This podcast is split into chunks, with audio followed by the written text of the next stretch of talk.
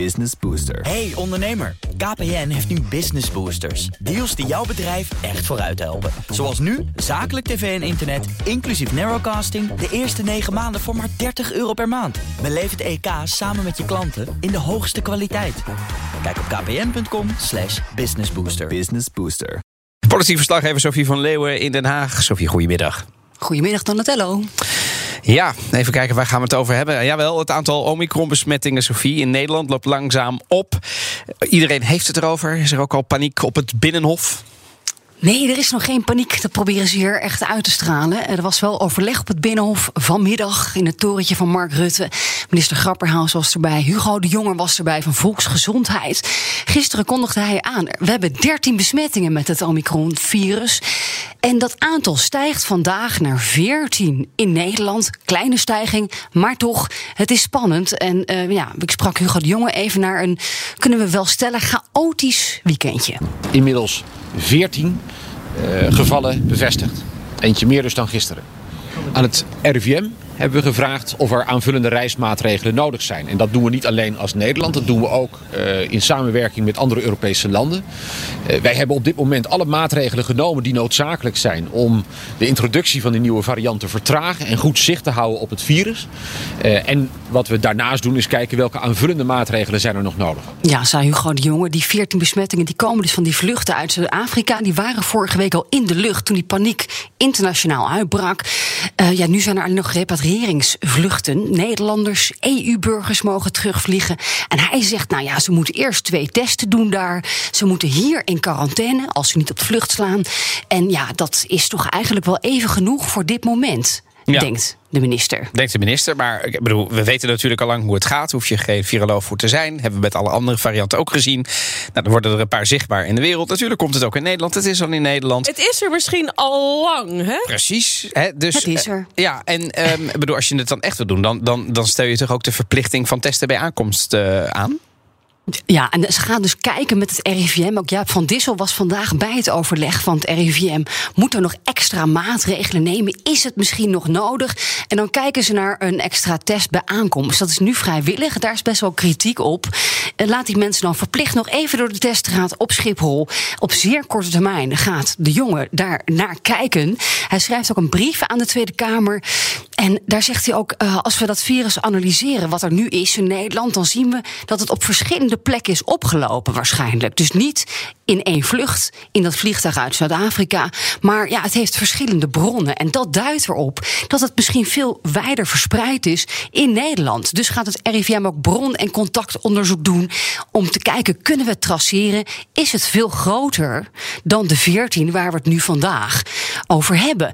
Waar ze ook naar gaan kijken, jongens, is het vliegverbod uh, van Zuid-Afrika. Dat loopt dit weekend af. Wat doet Europa? Uh, wat gaan we met z'n allen doen? Gaat de boel op slot? Of uh, moet toch een tandje erbij? Druk overleg, uiteraard met Brussel. En ik vroeg ook de jongen, joh, die, die extra vluchten met die Nederlanders, dat is toch wel een beetje spannend. Zal, per dag zal er een vlucht komen, maar wel met heel veel minder mensen natuurlijk. En dat is ook een afnemend aantal. Het gaat gewoon over de mensen die Nederlands ingezetenen zijn, op dit moment in Zuidelijk Afrika verblijven en, en weer terug willen komen uh, naar Nederland. Dat kan altijd. Nederland gevraagd om te stoppen met vliegen, met terughalen. Is daar internationaal wat commentaar op geweest? Niet dat ik weet. Nee. Wat wij doen, doen alle Europese landen. Het is een variant die door de WHO is aangewezen als variant of concern. En dat betekent, het is een variant waarover je zorgen hebt te maken. Wat de experts in ieder geval uh, zeggen, is het zou wel eens veel besmettelijker kunnen zijn. Nou, dat is iets om goed rekening mee te houden. Wat we daarnaast zullen moeten weten is in welke mate deze variant zich onttrekt aan de bescherming die we inmiddels hebben opgebouwd, de opgebouwde immuniteit. En wat we moeten weten is, is deze variant nou ook ziekmakender? Nou, die laatste twee aspecten weten we eigenlijk nog gewoon heel erg weinig van. En dat zal zich de komende twee weken uh, moeten uitwijzen. En dan pas weten we in welke mate we ons daadwerkelijk zorgen hebben te maken. Vooralsnog nemen we het zeker voor het onzekere. Doen we alles om de introductie van dat virus te vertragen. En ook ja, zicht te houden op de verspreiding in Nederland. En vandaar de aangescherpte testmaatregelen, de aangescherpte quarantainemaatregelen, de scherpe controle daarop. Dat is wat we doen om de introductie van dat virus af te remmen. Ja, zei Hugo de Jonge dus vooralsnog geen Israëlische toestand in Den Haag. Ik denk nog geen algeheel vliegverbod of zo. Uh, zo snel zal deze week in ieder geval nog niet gaan. Nee, wat overigens wel handig zou zijn. Als het goed is, uh, Sofie is op dit moment ook de G7 bij elkaar. Ik bedoel, als ze dit dan Europees afspreken, kan ik me er nog iets bij voorstellen. Als je dit natuurlijk als land alleen gaat afspreken. Ik weet niet of dat heel veel effect zou hebben. Wat denk je? Nee, dat wordt allemaal afgestemd natuurlijk. En ook met Ursula von der Leyen, die vorige week ook zei op vrijdag: jongens, stop met vliegen naar Zuid-Afrika. Dus dat wordt echt wel afgestemd. En uh, we wachten ook een beetje eh, op duidelijkheid over dat, die virusvariant. Hoe besmettelijk en gevaarlijk is het nou echt? Of zitten we nou voor niks toch heel erg veel paniek te zaaien? Ja, nou, dat laatste dat hopen we. Uh, maar nou ja, better safe than sorry. En dat vlieg eh, verbod, dat, dat, dat houdt het natuurlijk maar marginaal tegen. Hè. Ik bedoel, dan, dan, dan winnen we een paar dagen. Ja, dan ehm, nog. In, dan nog. Hè. In, in, intussen, um, in Den Haag, het kabinet sluit extra maatregelen voor de kerst nog niet uit. En Sofie, jij hoort zelfs over een vervroegde kerstvakantie.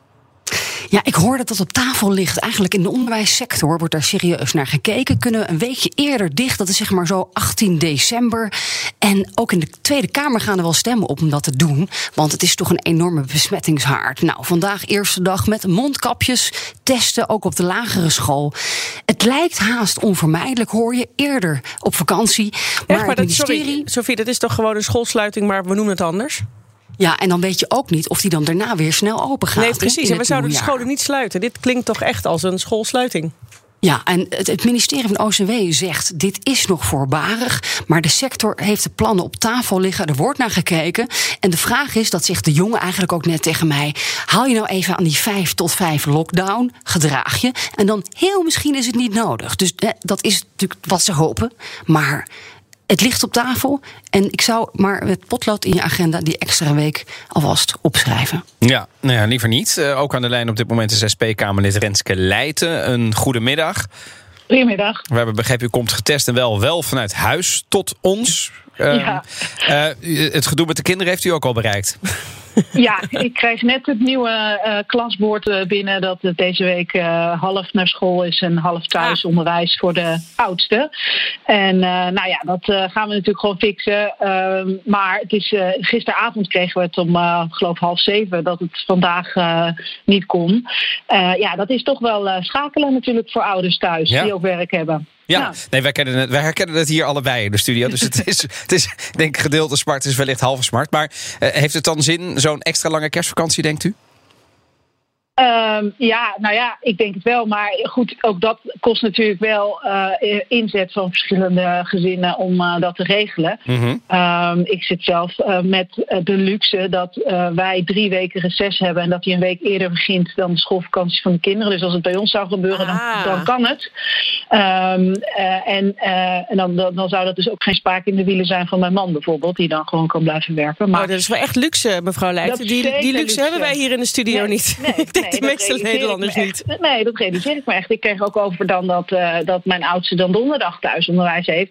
Ja, bij ons is heel veel van de Kamer omgezet in digitaal. Dus ik kon eigenlijk al vrij snel zien van, oh, dat kan ik wel combineren dan hopelijk. Ja, ja dat is natuurlijk echt wel heel luxe dat dat uh, dan kan. En ik ga, als, je, als je gewoon uh, ja, praktisch in de studio moet zijn of je moet werken in de zorg, dan is het natuurlijk allemaal echt wel heel anders. Ja. Dat realiseer ik me zeer, ja. Nou, we hebben u aan de lijn over de Belastingdienst. U eist namelijk samen met Kamerlid Omtzigt voor vanavond 8 uur. Stukken over zwarte lijsten van het ministerie van Financiën. Heeft u zo binnen? Nee, maar we hebben inmiddels wel begrepen dat er een meerderheid van de Kamer ons steunt. Ah, dus uh, ik ga ervan uit uh, dat uh, het ministerie de postduif per omgaande weer naar de Kamer kan sturen. Ja. want het rapport is gewoon klaar. of, NRC heeft het ingezien. Dus dan kan, neem ik aan dat het gewoon ons kan. Ja, het gaat om de zogenaamde FS V-lijst, de fraude-signaleringsvoorziening. Uh, en een onderzoek daarnaar van uh, het bureau PwC, van een accountantsorganisatie. Uh, wie zijn dan die 9000 mensen die op deze zwarte lijst stonden? Ja, er staan honderdduizenden mensen op. Uh, dit is een deelonderzoek. Uh, ze hebben verschillende deelonderzoeken naar de FSV gestart. En dit gaat alleen over de toeslagen. Ja. En hoe toeslagen daarmee omging, dat schijnt af te zijn. Nou, ik vind echt, uh, als het af is, stuur het naar de Kamer. Hou het niet op. want we kunnen wel wachten tot het allerlaatste onderzoek is afgerond. Het is gewoon relevant voor de mm-hmm. beoordeling nu. Of bijvoorbeeld de compensatieregeling van mensen correct wordt toegepast. Of mensen wellicht doordat ze op de zwarte lijst staat, makkelijker door de compensatieregeling heen kunnen gaan.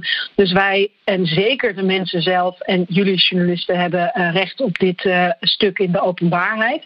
Um, dus ik ga ervan uit dat we het vanavond krijgen. Ja, het, het, is natuurlijk. Uh, het systeem werd begin vorig jaar uit de lucht gehaald. En het was al bekend dat ze daarmee werkte, de Belastingdienst. Die wat is wat u betreft de opvallendste conclusie die u nu al weet als u op NRC moet afgaan?